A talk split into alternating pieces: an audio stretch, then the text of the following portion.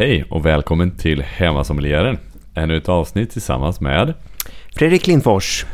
Hej Fredrik, Hallå Erik. hur står det till?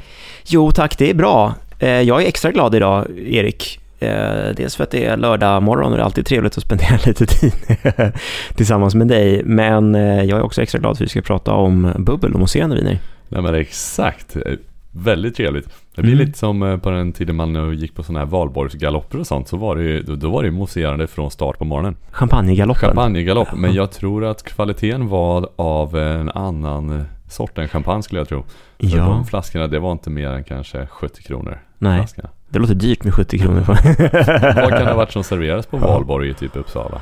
Ja, nu har jag ju varit där i och för sig och firat eh, någon sorts, gjort någon champagnegalopp. Eh, Men det är väl alla möjliga typer av bubbel. Så jag tänker att när det är studentikos så där så visst, vissa gånger kanske det vara lite lyxigt och sådär, eller framhävas att det är lite lyxigt när det är lite sittningar och det är frack och sådana grejer. Men, men eh, många gånger tror jag att det är kvantiteten som Ja. vinner. Jag, jag ser framför mig det här Astis Insano. Mm. Vad är det egentligen? är det en prosecco? Eh, Exakt, det här ska vi bena ut. Ja, vi måste ut ska här. få gå igenom.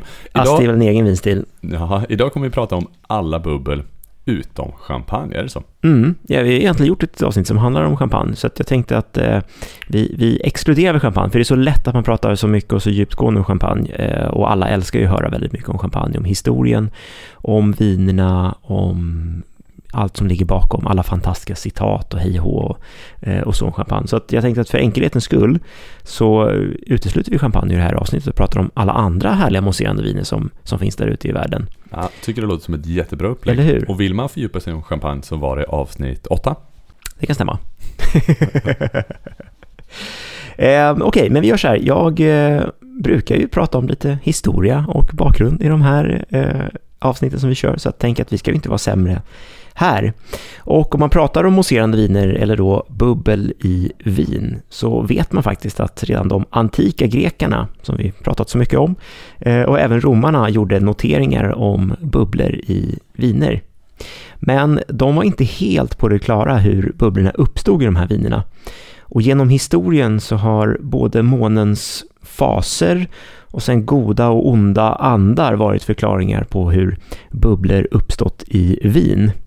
Och idag vet vi så att det varken är månens faser eller att det är goda eller onda andar som, som är anledningen till att bubblorna uppstår, utan faktum är ju att koldioxid är en bieffekt vid alkoholjäsning och uppstår vid allting du jäser egentligen. Det kan du till och med se i juicepaket som har stått för länge, att det kan, kan bubbla lite grann eh, i det.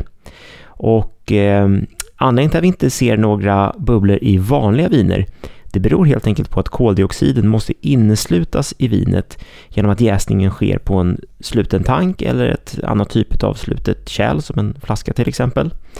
Eh, Men jag tänker att vi kommer in på det lite mer senare. Och får jag bara avbryta där då med en fråga som den kanske kan bli pinsam. Jag borde veta det kanske på en mer detaljerad nivå. Men alltså jäsning. Mm. Det, är- det är typ en bakterie. Är det en bakterie eller en svamp? Ja, det är en jäst, En alltså jäst- jästsvamp svamp. kan man ju Och, och, säga. den, och den käkar socker. Ja, Och då blir det mat. Hur, var, var kommer koldioxiden ifrån? Gästen äter ju socker. Det är ju dess föda så att säga. Och det som kommer ut ur själva gästen när den omvandlar då sockret blir alkohol, eh, koldioxid och så genererar den också värme. Eh, så det är, det är produkterna som den... Men, men då när man gör rödvin. Mm. Det, det är också någon jäst där eller? Mm. Nej. Ja, ja, absolut. Alla viner, de, Varför de blir inte alla viner kolsyrade? jäser. Precis, det är exakt det jag tänkte eh, prata om nu. Varför, det, varför bara vissa viner blir kolsyrade och inte andra? Vi kan ju ta champagne till exempel. Men vi Eh, fick inte prata om nej, champagne. vi ska Säg ändå- kremant. Nej, men vi, vi tar champagne, för vi, vi ska ändå göra en, en referens mot champagne. Det blir ju ändå måttstocken, så vi kommer alltid falla in i champagne. Men i champagne så var bubblor Eh, i vinerna länge ansedda som en defekt. Man ville ju inte ha bubblorna där, utan de uppstod av de här då kanske onda andarna som tryckte in de där bubblorna i flaskorna. Och det tyckte man ju var jättejobbigt. Och sen är det egentligen först under eh, 1700-talet som vinerna faktiskt blir medvetet mousserande. Men eh, anledning då till, till varför att, som du säger, såna här röda viner eh, inte, inte har kolsyra i sig, det är just för att när man, när man jäser röda viner så gör man det inte i ett slutet kärl, utan det är ett öppet kärl, så att kolsyran försvinner ut i atmosfären. Tänk det är lite grann som att ha en, en öppen flaska mousserande, alltså efter ett tag så kommer den bli platt, för att kolsyran kommer ju så att säga lufta ur eh, den flaskan, helt enkelt. Just det. Eh, och då är det snarare tvärtom. De vinerna som, som faktiskt görs i en sån här, ett inneslutande kärl som håller tätt, då har kolsyran ingenstans att ta vägen. Så då blir det kvar i själva vätskan och därav eh, uppstår då bubblorna helt enkelt. Är det förståeligt? Ja, men jag tycker det. Jag tycker det. Ja. Jag tycker det var skönt att reda ut lite. Ja. Härligt. Eh, Jag nämnde champagne lite grann. Jag tänker vi ska, vi ska bara göra en liten referens emot det. Ehm, just för att det, det får en kanske lite grann att förstå perspektivet på mousserande viner också. Man, man tänker kanske att champagne är den regionen som har producerat mousserande viner längst. Det är där liksom hela uppkomsten av mousserande viner kommer ifrån. Men, men så är ju faktiskt inte fallet. Utan champagne var inte ens först med att producera medvetet mousserande viner, utan det är i södra Frankrike, nere i Blanquette de Limoux. Eh, där var det faktiskt munkarna i Saint-Hilaire som gjorde noteringar om mousserande viner så tidigt som 1531. Och eh, de producerar, eller de producerar då de här mousserande vinerna genom en metod som man numera kallar för metod ancestral. Och det ska vi prata lite mer om eh, lite längre in sen i, i avsnittet. Och eh, jag tänker att vi kan ändå toucha in på de här olika metoderna som man gör mousserande viner på. För att det här skiljer sig, vilket, vilken metod man gör mousserande vin på påverkar också till stor del vilken stil det blir på det eh, slutgiltiga mousserande vinet. Och eh, jag kan ju fråga dig direkt där, Erik, när du har varit sugen på lite bubbel hemma, har du provat att köra vitt vin i Sodastreamen någon gång? Nej. men, men egentligen kanske det vore en höjdare. Vad säger du? Ja, det kan man göra. Det där har blivit som en sån här folk så här, "Åh, oj, sodastreamat vin, det är ju lika med, eh, får man absolut inte göra och det är dödligt förbjudet och allting. Men jag har några olika eh, personer som har bett mig fråga dig vid olika tillfällen. Så här, fråga Fredrik någon gång. Ja, Eh, är det så att man blir full fortare med bubblor i glaset? Just det här bara att so- sodastreama sin drink. Och så Ja, ja. var Ja, jag jag har sagt att jag tror faktiskt inte det är så. Alltså det, jag har ju också hört det här eh, om att folk säger att det, när man dricker bubbel, att det slår snabbare än annan alkohol. Som att det är att liksom, bubblorna får alkoholen att gå ut snabbare i kroppen. Men det jag kan inte påstå att jag kan uppleva att det är så. Det här behöver vi kanske någon eh, forskare på ämnet som kan förklara mer. Och det kanske finns någon sån anledning bakom det. Men, men jag tänker också så här, när man dricker bubbel och, och alltså mousserande viner så, så kan det ju vara så att man eh, dricker det ganska fort för man tycker att det är gott och trevligt och på så sätt få i sig lite mer och Ja, att det slår. Det känns nästan mer troligt. Det kan vara så. Det är en teori i alla fall. Men åter till eh, Sodastreamen. Min tanke här är att det finns ju faktiskt en metod, alltså en godkänd metod att producera mousserande vin på, vilket man kallar för kolsyremetoden, alltså kolsyresättning. Man, man sodastreamar Man sodastreamar, fast du gör det på ett väldigt, eh, på, ja, en väldigt stor volym helt enkelt. Eh, mycket större än vad du skulle göra hemma. Då tar du till exempel en sån här stor eh, trycktank eh, med vin och sen så tillför du kolsyra till den helt enkelt och så kan du buteljera det under tryck och så får du ett kolsyrat vitt vin till exempel. Och, och det lagras inte ingenting. Det är liksom klart. Sen är det, Vinet kla- ja, sen är det klart. Processen bara tjoff. Mm. Det är inte svårare än så. Och, men där ska ju då verkligen tillägga, så här pratar vi ju inte om några högkvalitativa Man gör inte mousserande det i viner. champagne eller? inte riktigt tillåtet att göra i champagne. Nej, det är det inte. Där, där får man liksom inte bara tillsätta kolsyra. Utan här kan man exempelvis se i kanske de eh, liksom enklare mousserande viner framför allt. Och jag skulle säga, om du har snubblat på till exempel Sparkling Sauvignon Blanc och såna här saker. Alltså de gångerna man vill ha mycket karaktär kvar utav själva druvsorten, som Sauvignon Blanc, som är en väldigt aromatisk eh, druvsort så kan man ju fortfarande framhäva smaken av druvan och ändå få till bubblorna genom att då bara helt enkelt sodastreama en, en, en eh, Sauvignon Blanc. Så att på Nya Zeeland kan du se en, en del sådana här viner ifrån, till exempel. Men vad det också gör är att de här bubblorna är ju, för att man pratar ju mycket om bubblornas elegans eller storlek också när, man, när det kommer till mousserande viner, när man bedömer mousserande viner. Och just när det handlar om kolsyresättning, då kan man ju tänka sig att det här kanske är de bubblorna som är som mest flyktiga. De försvinner ut ur vinet ganska fort eller förhållandevis fort. Och de är också ganska stora, alltså sådär lite, inte särskilt eleganta bubblor. Det här är ju ett, ett väldigt enkelt sätt att göra mousserande på. Som man då som sagt också kan göra hemma. Mm. Men om man vill uppgradera den här metoden lite då? Ja, precis. Vi kan gå vidare till, eh, till nästa metod som heter Charmat-metoden. Och det här är ett, ehm, ett produktionssätt som utvecklades under sekelskiftet 18-1900. Och här innebar det då att man först gjorde ett stilla basvin där man tillsätter en blandning av socker och jäst till en sluten tank. Och jästen då som sagt börjar ju äta sig igenom sockret, bilda alkohol och kolsyra. Och tanken är ju också sluten och kolsyran kan ju inte försvinna utan den blir kvar i vinet. Och då blir det ju liksom att kolsyran bildas ju för att jästen arbetar ju inne i, i tanken så att säga och, och, och, bildar kolsyran och den kan inte försvinna iväg. Sen buteljerar man vinerna under tryck och det här blir ett väldigt kostnadseffektivt sätt att producera, ja men jag ska säga fruktiga, lättdruckna bubbel. Och det här är ett sätt som används bland annat för prosecco, lambrusco, asti eh, och även en del tysk sekt och andra skulle jag säga sådär, ja men också förhållandevis billiga mousserande viner eh, produceras enligt den här eh, metoden. Det är ett enkelt sätt att göra eh, ett mousserande vin på där faktiskt bubblorna uppstår naturligt och inte är tillsatta. Så mest basic soda streamar ner dem. Mm. Nästa level är storkok mm. kan vi kalla det. Ja, man kan säga. Ja, vad kommer sen då? Alltså jag tänker vi kanske kan backa bandet lite grann där. Vi pratade ju om eh, de här munkarna. Grekerna i... går att backa mer än så. Nej, men vi ska nog inte gå så långt tillbaka i tiden. Vi kan ju titta på munkarna där i, i, i Limoux eh, och i klostret Saint-Hilaire som utvecklade den här metod ancestral-stilen. Idag stöter vi på viner som görs enligt den här metod ancestral relativt ofta, för det blir ganska trendigt igen. Och då står kanske inte alltid metod ancestral på etiketten, utan ett annat begrepp som, som är mycket vanligare som kallas för petnat. Har du sett petnat någon gång på någon vinflaska? Nej, men jag har hört talas om det. Mm. Och det här är ju en, alltså en hipp stil utav mousserande, men som verkligen är ett urgammalt sätt att producera på. Ancestral betyder ju liksom den gamla, ja, metod ancestral, det gamla sättet så att säga. Och eh, petnat är en förkortning för pétillant naturel, alltså naturligt pärlande.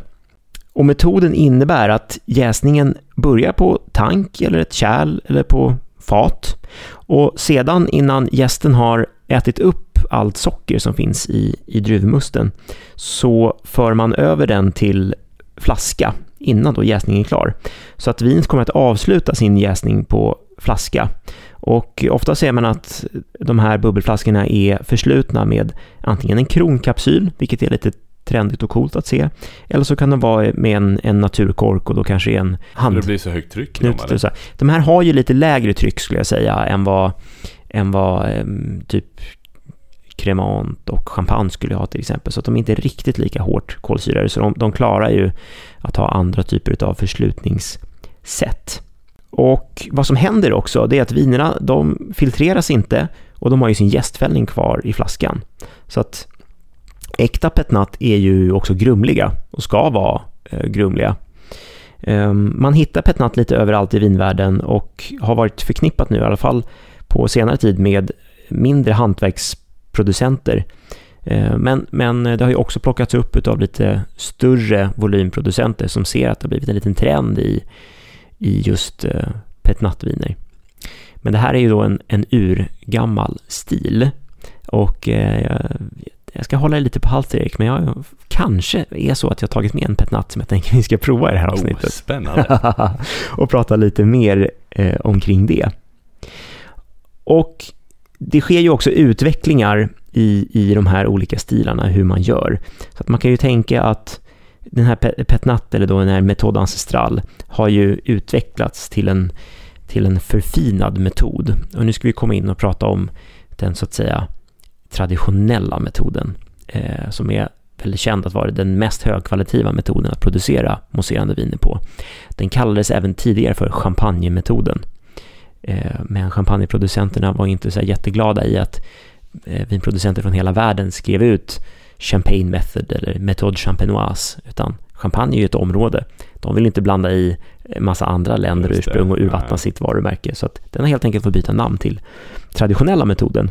Och vad den innebär, det är att först så genomgår vinet en, en eh, vanlig jäsning, så att man gör ett stilla eh, basvin helt enkelt, som man sedan tillför eh, socker och jäst till.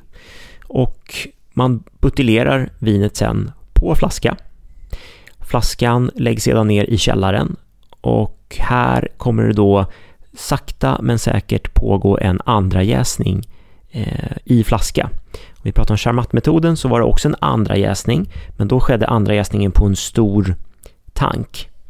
Här sker jäsningen på ett mycket, mycket då mindre volym så att det blir på den här flaskan och vad som händer då är att när gästen dör och faller ut och arbetat färdigt så faller den ju ner och bildar en gästfällning. Det händer ju även på de här stora eh, tankarna.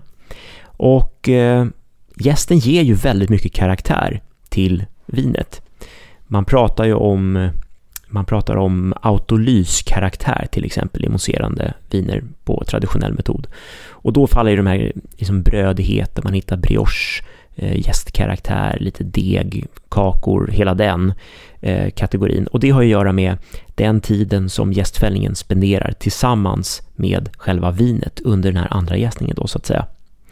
Så det sker ju även i den här till exempel då Charmat-metoden, men på, på med väldigt, väldigt, det blir inte lika tydligt skulle man kunna säga, för det är en så stor massa, en så stor volym. Eh, men det blir mycket tydligare när det görs på flaska. Och dessutom, enligt traditionell metod, så, så har man ju också en, en ja, tradition av att hålla vinerna på sin gästfällning betydligt mycket längre.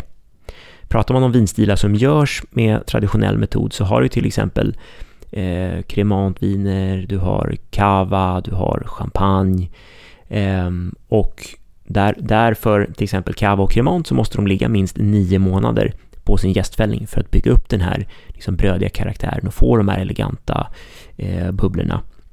Och för champagne så måste det ligga i minst 12 månader på sin För vad är den stora för, eller skillnaden? Det, det, andas ju såklart mer kvalitet och så, men om du gör storkoket mm. i med jäst i den stora tanken, hur länge jäser det då?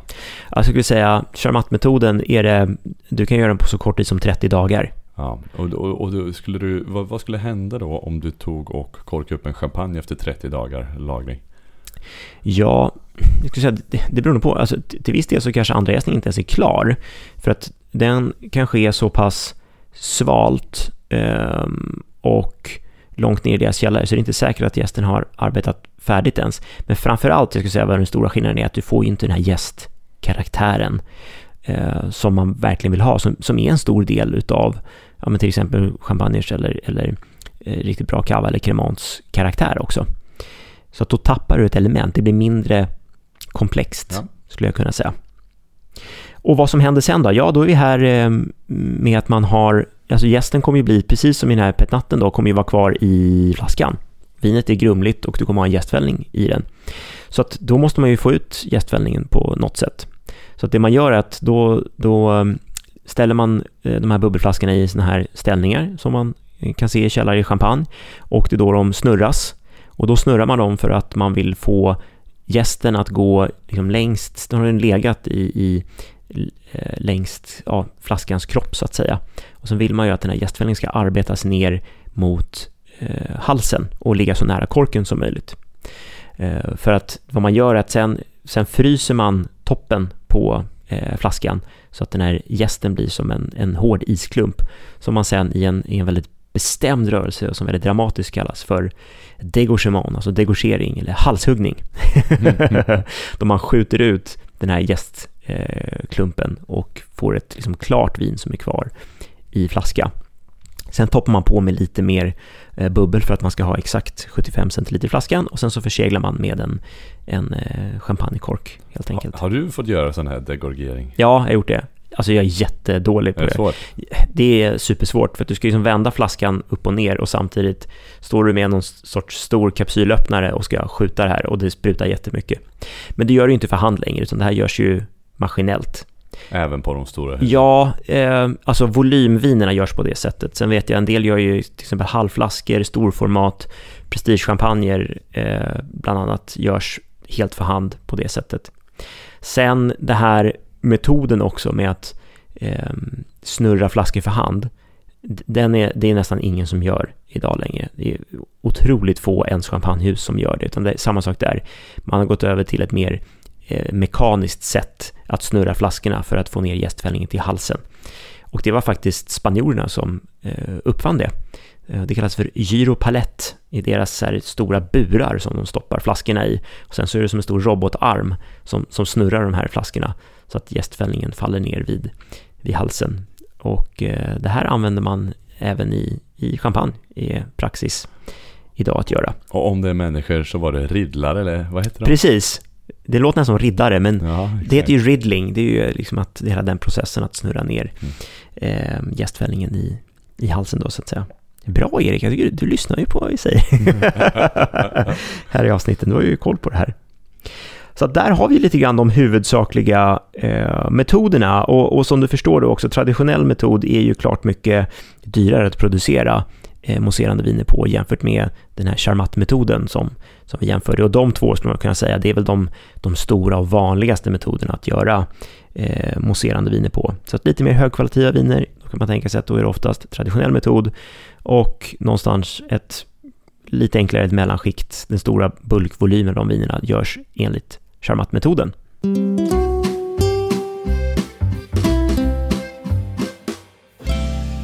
Men Fredrik, bara för att förtydliga. Alltså om man tänker petnat. Det är alltså Börja göra ditt vin Släng in socker, det börjar bubbla greja och då bara in med det på flaska och så får det bli ett bubbligt vin på flaska. Champagne, det är alltså lite som en fin version av eh, det här storkoket. Mm. Du gör storkok fast tappar upp det direkt på flaskor. Så det blir som massa småkok. Egentligen. Så kan man nog se det, ja absolut. Och jag tror en, en, en viktig distinktion är också, jag tänker bara petnat och champagne till exempel då, ehm, är ju också att petnat det är egentligen bara en jäsning. Så att du gör ju en första jäsningen innan du jäser klart, så tappar du över den på flaska. tappat. Så att, och där är egentligen, jag skulle säga det korrekta sättet att göra det på är att du tillsätter egentligen inget socker och sådana saker för att få en vidare jäsning. Eh, det här är ju ett väldigt naturligt sätt att producera mousserande vin på, skulle man kunna säga. Eh, men, men jämfört med champagne då och cremant till exempel, där gör du ju ett stilla vin först Mm. och sen gör en andra jäsning, så du har två jäsningar. Ja. Är petnat sämre att lagra då? För att det är ett mer naturligt vin och gästen är kvar och sådär? Eller kan du lagra en petnat i 20 år? Eh, I teorin skulle du väl kanske kunna göra det, men jag skulle säga att överlag så är det här viner som de är oftast gjorda för att konsumeras unga. Ma- Man kan väl hålla på en del och se vad som händer och, och utvecklas och sådär och framförallt om du kanske hittar någon riktigt högkvalitativ eh, buteljering. Men, men överlag, drick de unga. Det är mitt tips. Ja. Vad säger du, ska vi eh, ge oss ut och resa lite grann i vinvärlden? Jag tycker det. Ja, bra. Då tänker jag att då ska vi prata om lite olika ursprung och eh, vad man hittar lite olika typer av mousserande viner. Vi kan väl börja i Frankrike som vi så ofta gör. Men eh, vi exkluderar ju champagne den här gången och så pratar vi om cremant. Och, och då är ju min fråga lite sådär, vad är cremant egentligen? Ja, men jag fattar det som att det är liksom champagne, eller ja, traditionella metoden. Mm. Men att du får göra den vart som helst i Frankrike. Mm. Och då kan du kalla det för cremant. Mm. Eh, så att ja, druvor någonstans i Frankrike. Gör enligt den här uh, bulken, men tappa upp det på flaska fort och låt det ligga där i några månader. Så blir det en cremant. Mm. Ja, det, ja, så skulle man kunna säga att det, att det är. Och pre- precis som du säger Erik, alltså, mm, cremant är ju ett mousserande vin gjort i en traditionell metod som kommer utanför champagne. Och det man gör också när, det, när eh, om man läser cremant på etiketter är att de är ju ursprungs eh, typiska, eller de har en ursprungsidentitet. Det står ju till exempel Cremant de Bourgogne, Cremant de Bordeaux, Cremant de Alsace, Cremant de Loire. Så att de kommer ju från en region eller ett område. Sen i, i de här olika områdena så är det ju olika druvsorter som de tillåter. Eh, så att allting är ju inte samma samma. Eh, så, utan det är skillnader mellan de här olika kremantursprungen då till exempel. Men annars så stämmer det precis perfekt i, i, i det, det som du säger. Och där kan man också tänka så här att ja, men är man väldigt förtjust i champagne, men kanske inte vill lägga de pengarna alltid på att dricka champagne, då skulle jag säga att kreman är ju, då kommer väldigt nära champagne många gånger. Men vilken region då ska man ta för att komma mest champagne nära? Som Bourgogne till exempel, då mm. är det liksom, då odlas det bara chardonnay som vit druva typ. Och så har du Pinot. Eh, ja, Då kan de göra ett eh, Cremante Bordeaux. Ja, precis. Du använder mycket annat också. Det är Aligoté och Syrah och ett gäng druvsorter till som är tillåtna att göra eh, Cremante Bourgogne på. Men, eh, men eh, exakt, men jag skulle ändå säga att det är nog Cremante Bourgogne förmodligen där du hamnar närmst stilistiskt sett. Dessutom finns det ju producenter som håller till uppe i eh, i Chablis och producerar eh, Cremant Bourgogne. Och som vi pratade om tidigare är just att alltså Chablis som ligger ganska långt nordväst ifrån övriga delar av Bourgogne gränsar ju typ mot Champagne, sydvästra delen av Champagne. Så att där har du ju en, en geografisk, du är väldigt nära skulle man kunna säga.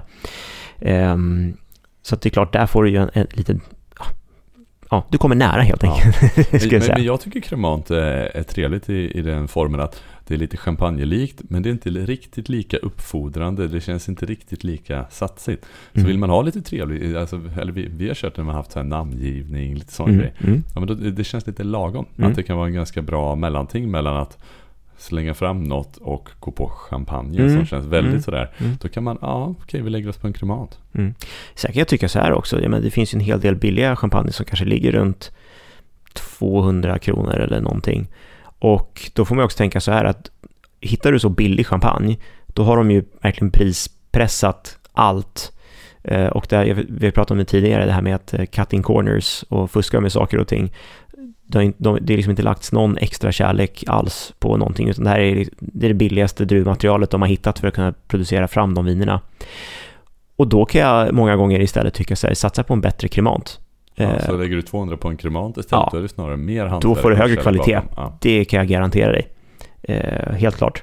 Så att eh, det där är en intressant distinktion att göra också. Ja. Sen är det ju lite så, alltså om man tittar till Champagne har varit så himla dominerande när det kommer till eh, vad ska man säga, kvalitet och, och, även i Sverige har vi varit väldigt stora champagnedrickare per capita och, och till volym och sådär. Men de senaste kanske tio åren i alla fall så har ju mousserande viner, det har ju ökat exponentiellt.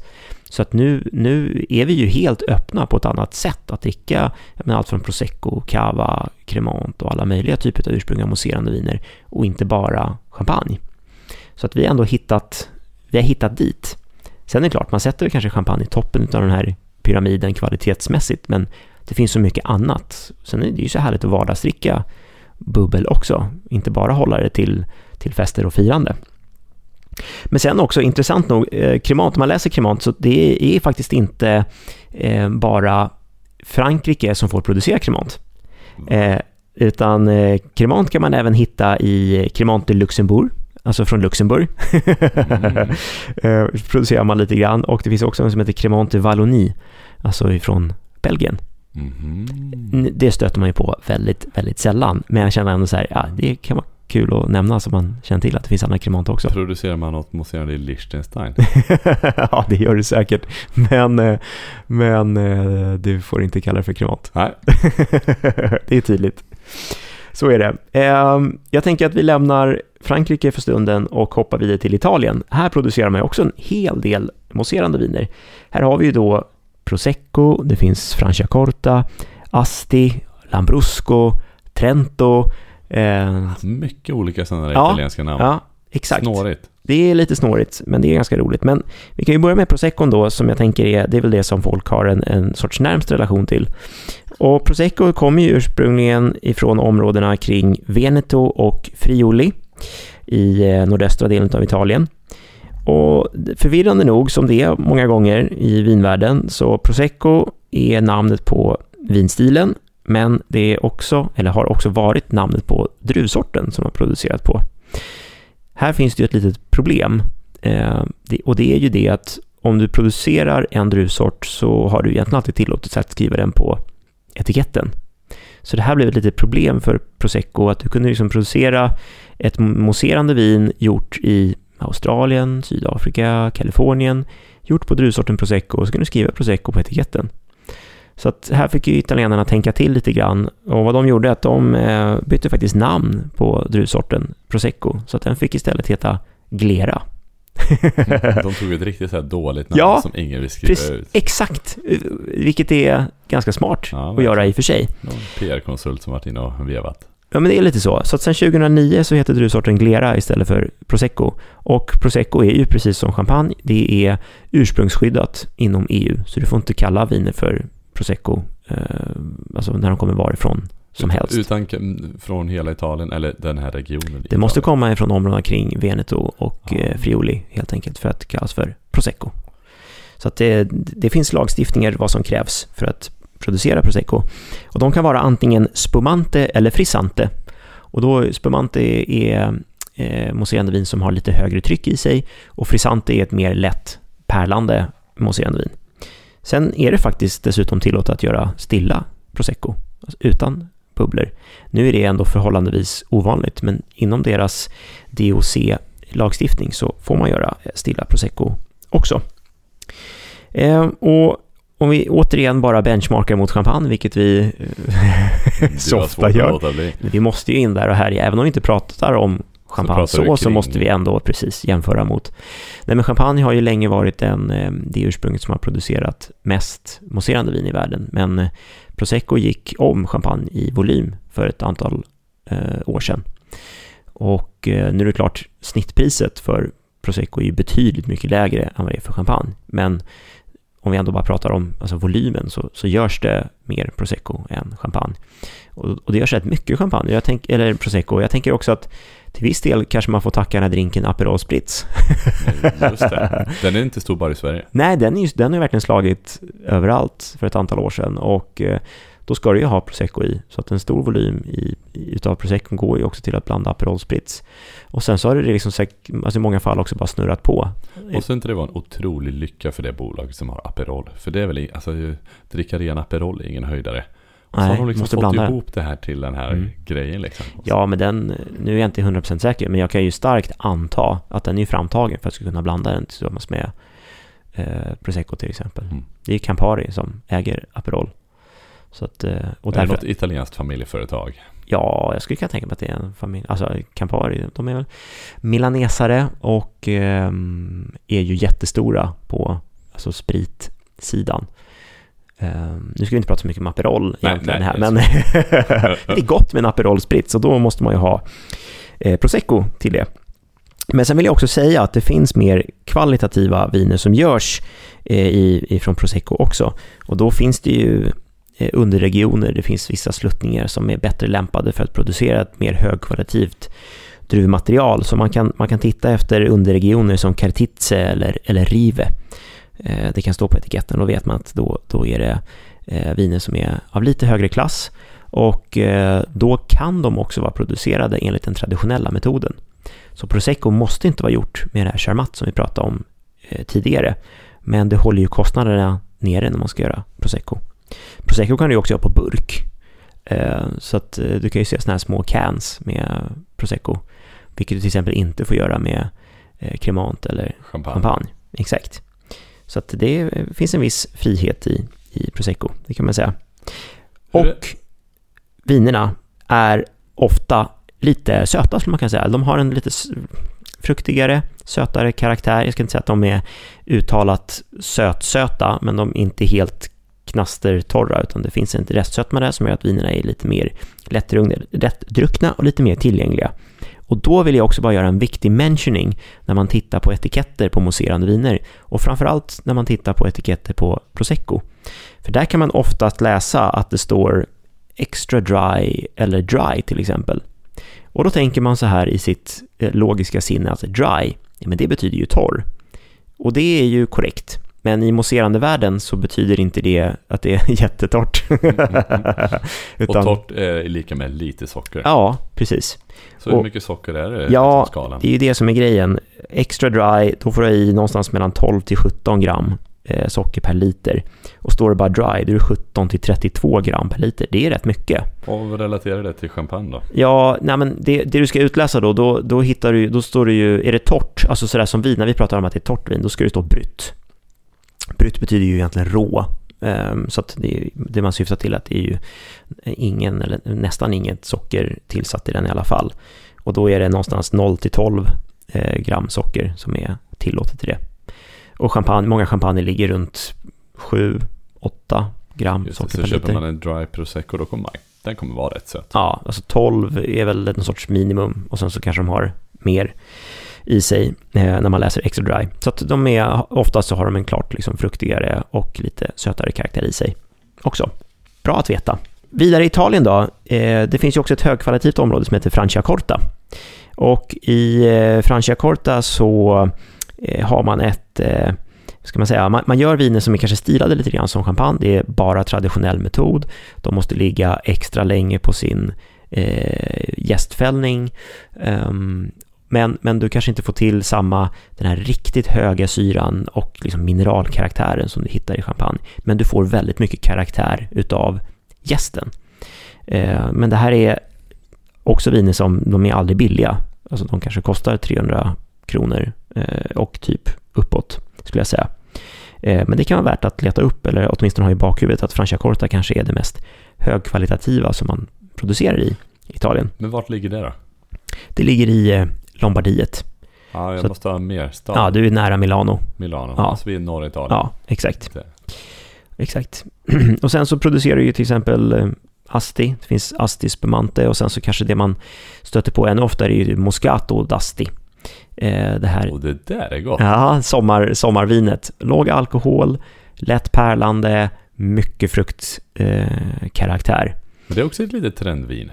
Ja, det skulle jag nog säga. Alltså om man tittar till söta viner överlag så är ju det ganska otrendigt att dricka. Eh, men just Moscato d'Asti är ju någon sån här, ja, det dricker man ju. Det gillar man ju på sommaren att dricka med jordgubbstårtor och när det är lite fest och firande och såna här saker. Och just för att det är, det är låg alkohol och det har den här härliga somriga, blommiga, fruktiga smakerna.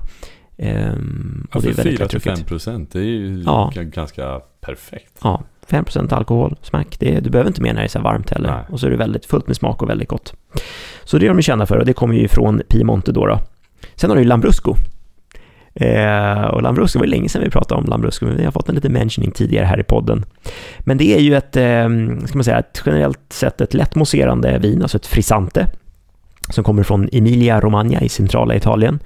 Och det här har ju varit ganska enkla viner överlag som, jag, jag tänker jag som sommelier i alla fall, kanske har avfärdat många gånger.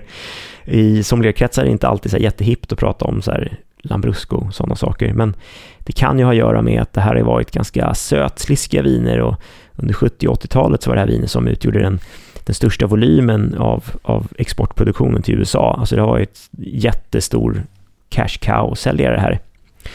Och eh, jag har ju tidigt, när jag när plugget som jag fick jag prova lite Lambrusco, men AFR. Jag tyckte det var alldeles för mycket undermåliga, låg kvalitet och, och jag förstod inte alls på de här vinerna.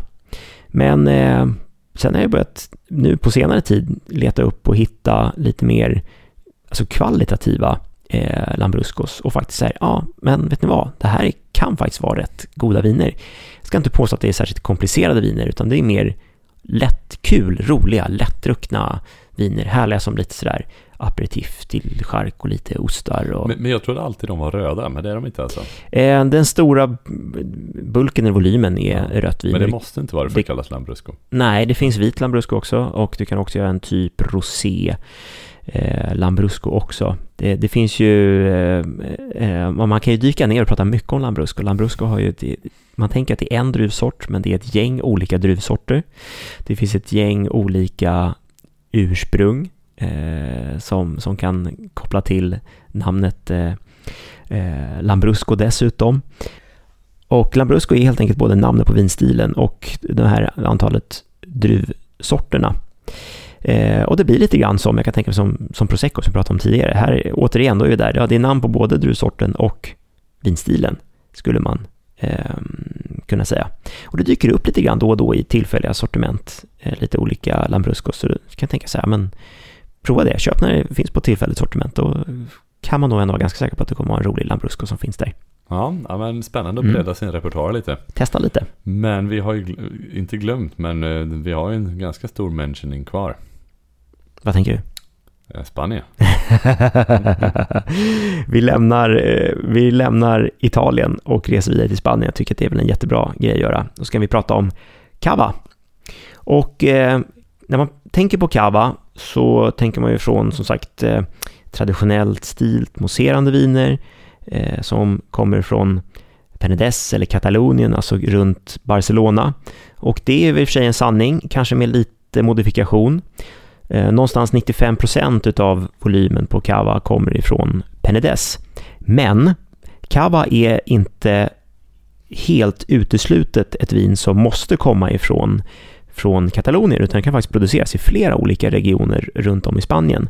Bland annat Aragonien, Estremadura, Rioja, Baskien, Navarra och Valencia. Så att du är upp lite överallt. Det är nordöstra delen, det är norra delen, du är nere i sydväst, du är i sy- östra delen utav Spanien också. Så att det kan komma lite, lite här och var ifrån. Men det är ändå ursprungsskyddat, de här områdena, men du får inte göra det precis var som helst.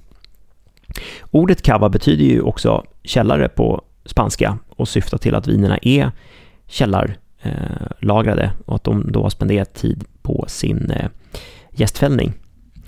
Och här hittar man ju också några druvsorter som är unika för, för eh, Spanien och eh, delvis unika för, för eh. Och då hittar man ju bland annat Macabeo, Zarello och eh, Parellada som är framstående. Men, men man kan även producera vinerna på Chardonnay, Pinot Noir, Garnacha och Monastrell. Och man kan säga att cava har väl ändå vunnit folks hjärtan, även det här i Sverige. Och vi, vi, vi dricker mycket cava. Och man producerar rätt mycket eh, cava också. Och det har ju lett till en splittring skulle man kunna säga inom den här DO-ursprunget cava.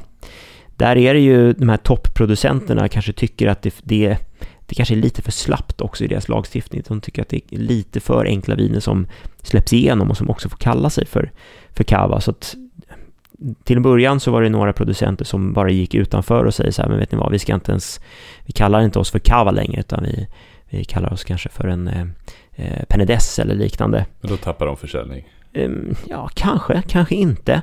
Eh, Det får man också tänka att det är många gånger så är det ju varumärken som är rätt starka i, i sig. Och då om det står Cava eller inte så, så kanske inte det som är avgörande utan ja, men Raventos till exempel är ju sån här erkänd Eh, producent på Cava som, som numera inte ens använder namnet längre. Men eh, säljer uppenbarligen ganska stora eh, volymer ändå. Och eh, dessutom så är det en, en annan utbrytargrupp som skapade en egen ursprungsbeteckning som heter Corpinat. Och eh, Corpinat då är ju eh, viner ifrån Penedès, mousserande viner, som har lite högre krav på sig.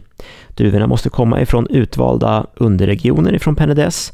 Vinerna måste dessutom vara ekologiska och sen måste de ligga på sin gästfällning i minst 18 månader, alltså dubbelt så länge som för vanlig cava då, så att säga. Oj. Eh, Så att, och idag tror jag att det är någonstans kanske 11 producenter liknande som producerar Corpinat, så det är inte så många.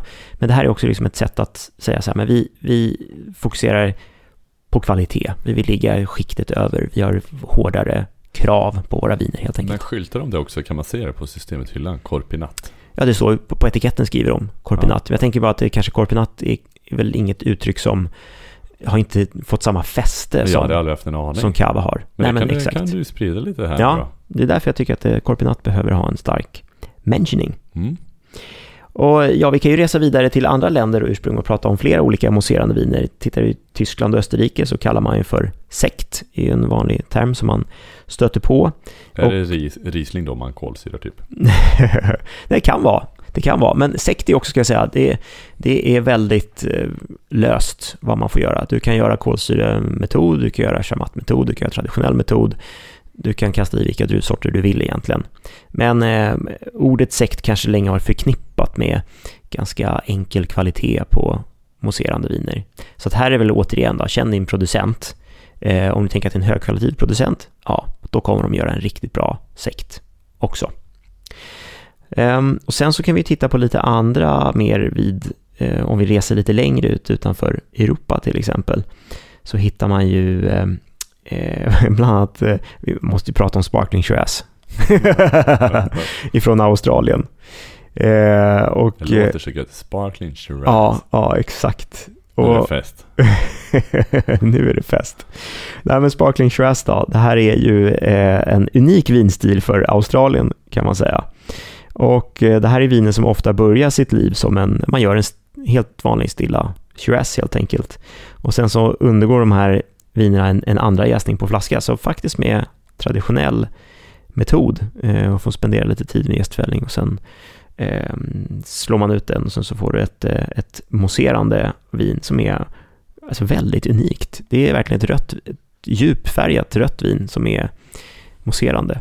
Så att jag blev lite sådär eh, road av Sparkling Shiraz och eh, tänkte att jag måste ju googla Sparkling Shiraz food pairing. alltså det är lite, jag tycker det är en rolig grej. Vad, vad, vad tipsas liksom generellt sett om att man ska matcha med Sparkling Shiraz? Och det första jag fick fram var att mörk chokladmousse och Sparkling Shiraz och här kände jag bara ridå.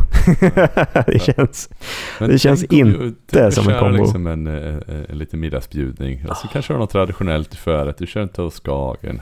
Något lite trevligt vitt till det. Och så till varmrätt, ja men det kanske blir något. Ja men en Sandefjord så, hela den här. Ja. Och sen till avslutningen så kommer det bara ja. chokladmousse sparkling Shiraz. Bam! Jag tror inte gästerna kommer tillbaka. Alltså nu kanske jag är lite hård. Eller så blir det en dundersuccé. Ja, jag vet inte. Jag, jag har ju pratat om det här tidigare också, att när man kommer till dessert, vinet måste vara sötare än desserten. Alltså sparkling Shiraz, ja okej, okay, de tillsätter lite socker, de är väl lite sötare än vad, än vad Shirazen är från början, men fortfarande, det är inte i närheten av tillräckligt mycket socker för att kunna bära upp en dessert. Du har druckit sparkling Shiraz? Jag har druckit sparkling Shiraz, absolut. Jag har också rest runt i Australien och fått det här serverat. Då fick vi det till frukost, så ägg, bacon och äggmackor till frukost. Tyckte också att det var jättekonstigt. Men det är en sån här australiensisk grej eh, som jag kan tycka är lite märkligt. Men, men återigen, om vi bara tittar på fler food pairings. Eh, jag hittade också barbecue ribs. Och det kändes som en kanske lite mer så här, ja men här är lite mer rimlig eh, mm. Eh, matchning att få in. Det är ju konstigt vin från, från början, eh, som jag ändå kan tycka så här, ja men kul, prova det. Um, så att, ja men just det med barbecue ribsen där du har um, lite mer... Sötma i glaze. Ja, precis. Du får det här lite grillade, absolut. Det funkar med en stilla Shiraz jättebra också, men, men vill du skoja till det, Sparkling Shiraz, absolut. Pekinganka fick jag också upp som förslag. Lite samma där. Jag kan också fatta den eh, kombon lite grann med att ha lite, lite mer vågade smaker, trycka på lite grann, finns lite sötma. Absolut. Men, eh, men sen så, så kom det också här, och det är förmodligen australiensare som har skrivit den här Food Pairing-guiden, eh, passar sig bäst med olika typer av frukosträtter. och det var väldigt sådär diffust. Så var det typ en, en bild på så pannkakor med sylt och jordgubbar och jag tänkte bara så här, jag kan inte tänka mig en sämre kombination. Uh, åh herregud. Ja. Jag har faktiskt jobbat på restaurang i Australien. Ja. Uh, Serverade du mycket Sparkling men jag började fundera på liksom vad, men det var ganska populärt att, eh, att köra på helgen lite så här brunchaktigt. Ja. Med en del, men det var både bubbel och öl och vin liksom. Och så. Ja. Men, men hade jag vetat det här hade jag varit mycket mer uppmärksam om det var mm, Sparkling mm, Shiraz. Just det. Uh, ja men exakt. Ja det är ju såklart ett, ett liksom lite udda, udda vin sådär. Sen vet jag att det, det är Australien och eh, för kanske en hel, en, vissa britter också kan dricka det här kring jul. Mm. Och det kan man säga, ja, då blir det en sån traditionsgrej och det finns kanske mycket mat på. Du har inte tagit upp British Fizz? Förtjänar det en nämning? Det måste vi absolut göra. Det, det är ett jättebra eh, mentioning, Erik, vi måste prata om. Jag får säga då att British Fizz, ja. ganska hypat, för det ska också vara eh, traditionella metoden. Ja. Att det har börjat bli lite varmare i England. De har börjat få till bra druvodlingar med lite liknande klimat som champagne. Mm. Så var i London nu för, ja, men i, i våras tror jag det var. Och så var jag ganska peppad på att ta in lite British Fizz på restaurangen.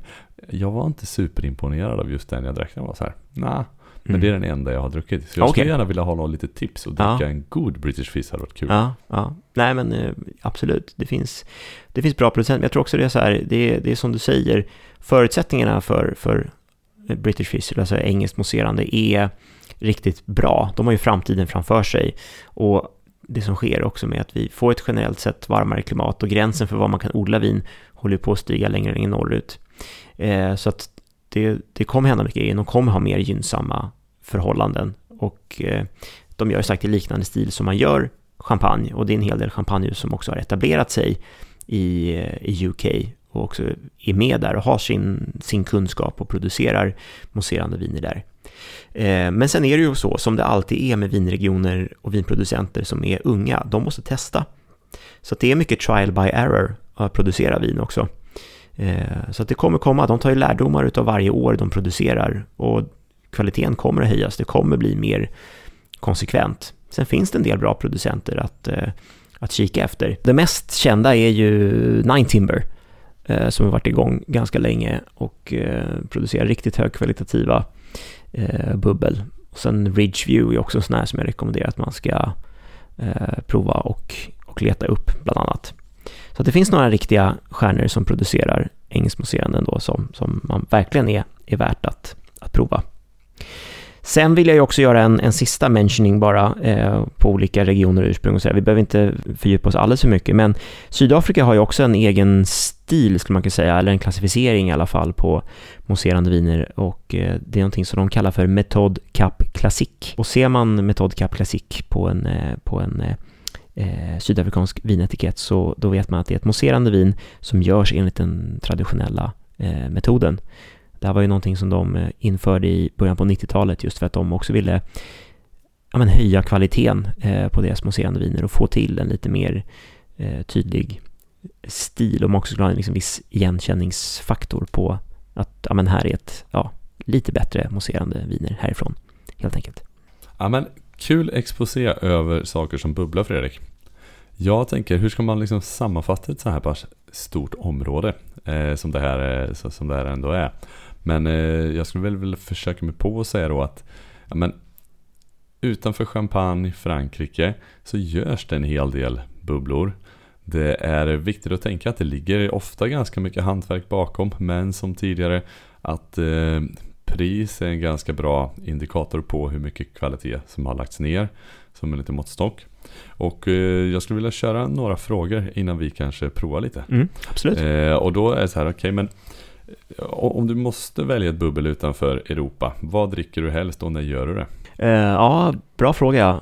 Eh, alltså jag har också provat, nu har jag, inte, jag har faktiskt inte men, eh, nämnt det, men, men det finns ju jättebra mousserande viner från Kalifornien till exempel. Eh, Anderson Valley är sånt där bra ursprung, där kan man hitta riktigt goda bubbel. Och samma sak där ska jag också säga, det är en hel del champagneproducenter som har etablerat sig i eh, Kalifornien. Det finns typ Mum California, Domaine Carnero som, som Tattinger har, Röderer Estate, eh, Oh. eh, Moet har ju också en Chandon, de producerar ju det här mousserande vinet Chandon överallt i, i, i världen som man kan säga. Så de har ju Kalifornien, det finns i Brasilien, Argentina, Australien, Kina, Indien, som alla heter Chandon. Det är ingenting vi ser på vår marknad, utan det är sådana viner som görs för, för egna marknader. Men eh, alltså ett bra amerikanskt mousserande skulle jag också gärna slå ett eh, slag för. Kan vara riktigt, riktigt bra. Perfekt sån här snyggt fördrinksbubbel. Kan du slänga in en kort sökning nu och se om det finns något på systemet? Vi kollar. Ja, jag fick ju dra en snabb eh, sökning på Systembolaget och se vad som finns. Ehm, men det var kul att jag nämnde det också för att Rudder Estate Quartet eh, ifrån Anderson Valley finns eh, i lite butiker på Systembolaget att kolla på. Kostar 339 spänn med väldigt snyggt, tjusigt bubbel. Så att, det kan vara kul att prova. Kul, det, den lovar jag jag ska prova. Mm. Okej, f- fråga två. Vilket bubbel parar du till Pekinganka? Och om du faktiskt inte vill dricka bubbel till, vad dricker man istället? Pekingankan, här kommer den. Eh, ja, men eh, precis. Bubbel. Alltså jag, jag skulle nog faktiskt kunna tänka mig, vi kan ju skippa Sparkling Shiraz kanske. Men jag tror inte du ska underskatta typ rosé champagne eller ett bra rosé bubbel överlag.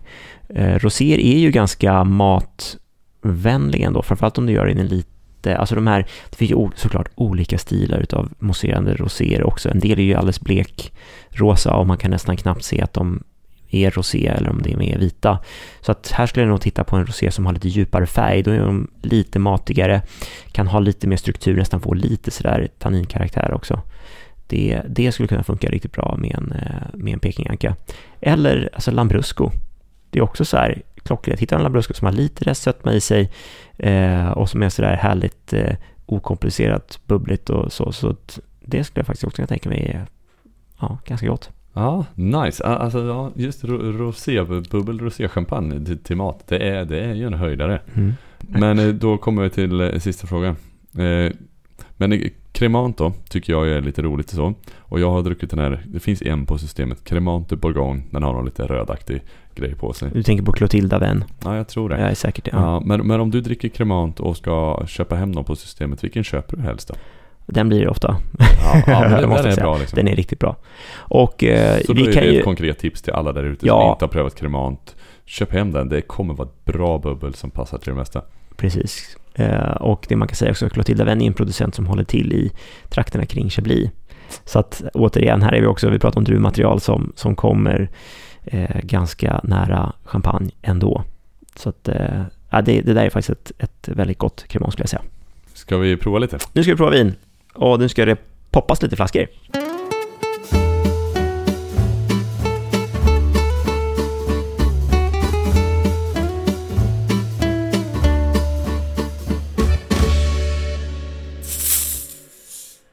Fredrik öppnar nu alltså en kapsyl på ett vin som ser ganska grumligt ut. Ja. Och det heter? Greystone Organic Petnat, eller här står det faktiskt Petillon Naturel 2022. Eh, Greystone låter inte så franskt. Nej, nu är vi faktiskt på Nya Zeeland. Så det här är en producent som heter Thomas Family Wines. Eh, och de håller till i, i North Canterbury i Waipara Valley på Nya Zeeland. Och eh, nu får du ju någonstans Petnat i sin fulla glans. Jag ska hälla upp lite grann i Eriks glas här. Eh, det här är rätt kul för det här är också ett vin som har en liten udda blend. Det är en blend på Riesling och Pinot. Det ser man det kanske inte så jätteofta. Och jag tänker också så här, vi, vi pratar ju inte alltid så mycket om att vi har en Instagram också i den här podden. Så att eh, eh, det kan vara bra mentioning att säga också att vi har en Instagram. Och av just den här anledningen, jag tänker att jag ska lägga upp lite, lite bilder också och, så att man ser färgen och att det är eh, ett grumligt vin. Jag klagar ofta på att vi inte har någon videopodd, men vi får ju använda Instagram som en sorts videokanal. Men exakt. Ska man tänka på något speciellt när man häller petnat? Alltså nu har man ändå liksom den här äh, fällningen här. Ja, eh, precis.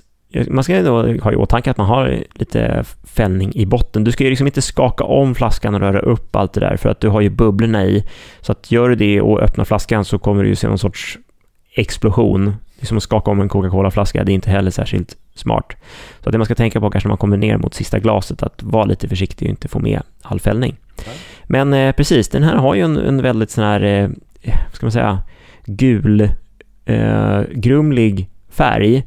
Det här är ju lite, lite brocka, lite C-vitamins-look på den här i, i glaset. Erik doftar, se vad vi hittar.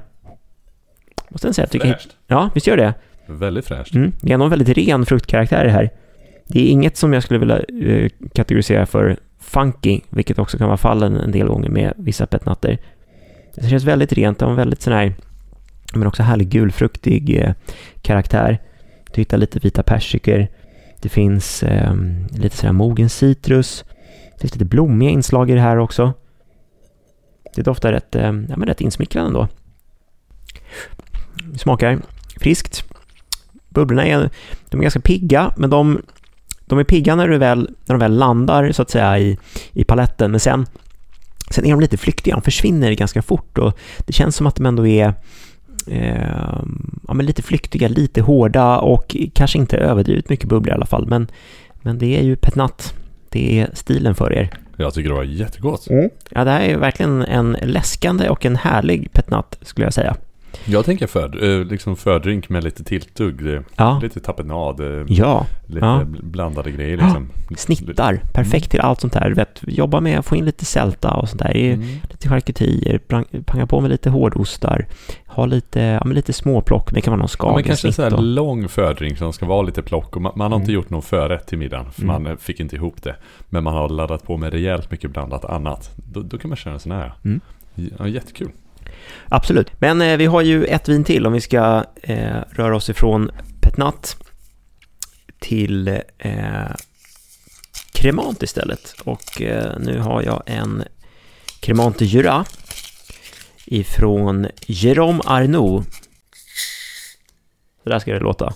Väldigt försiktigt, Ja, det, var, det var ett diskret poppande. eller hur? Right, så att nu i Frankrike, nu pratar vi Cremant, så att nu är det ju då traditionell metod. Vi ser ett klart vin så är det en helt annan sak, en mycket mer så här citrongul, ren färg. Man kan se lite fina strida strömmar utav bubblor eh, som reser sig till toppen till det här vinet. Det här är också då en, en brytt natur, står det på flaskan. Och vad det innebär då är att då brytt som vi pratar om är torrt, men när man skriver brytt natur så syftar man på att det är ännu torrare. Eh, Så att det här är- ligger någonstans nära 0 gram eh, socker per liter. Det här är en eh, blend på lika delar Chardonnay och Pinot Noir. Och det här vinet har legat 36 månader på sin gästfällning. Och vi pratade om tidigare att 9 månader är ju någon sorts minimum. Så att här bör vi hitta lite Tre år? gästkaraktär. Wow. Ja, ja. Så det är seriöst. Vad tycker vi om det här? Nej, men, doften känns elegant och välkoncentrerad. Mm. När man, Mm. Ja, men det här är snyggt. Det, här är, det finns en hel del elegans i det här. Eh, här hittar du ju verkligen lite lätt som rökig karaktär på näsan. Det finns, eh, finns lite stenfrukt. Du hittar eh, lite så här mogna gula äpplen. flinta. Det finns flint, ja precis, det har en rökig flintkaraktär.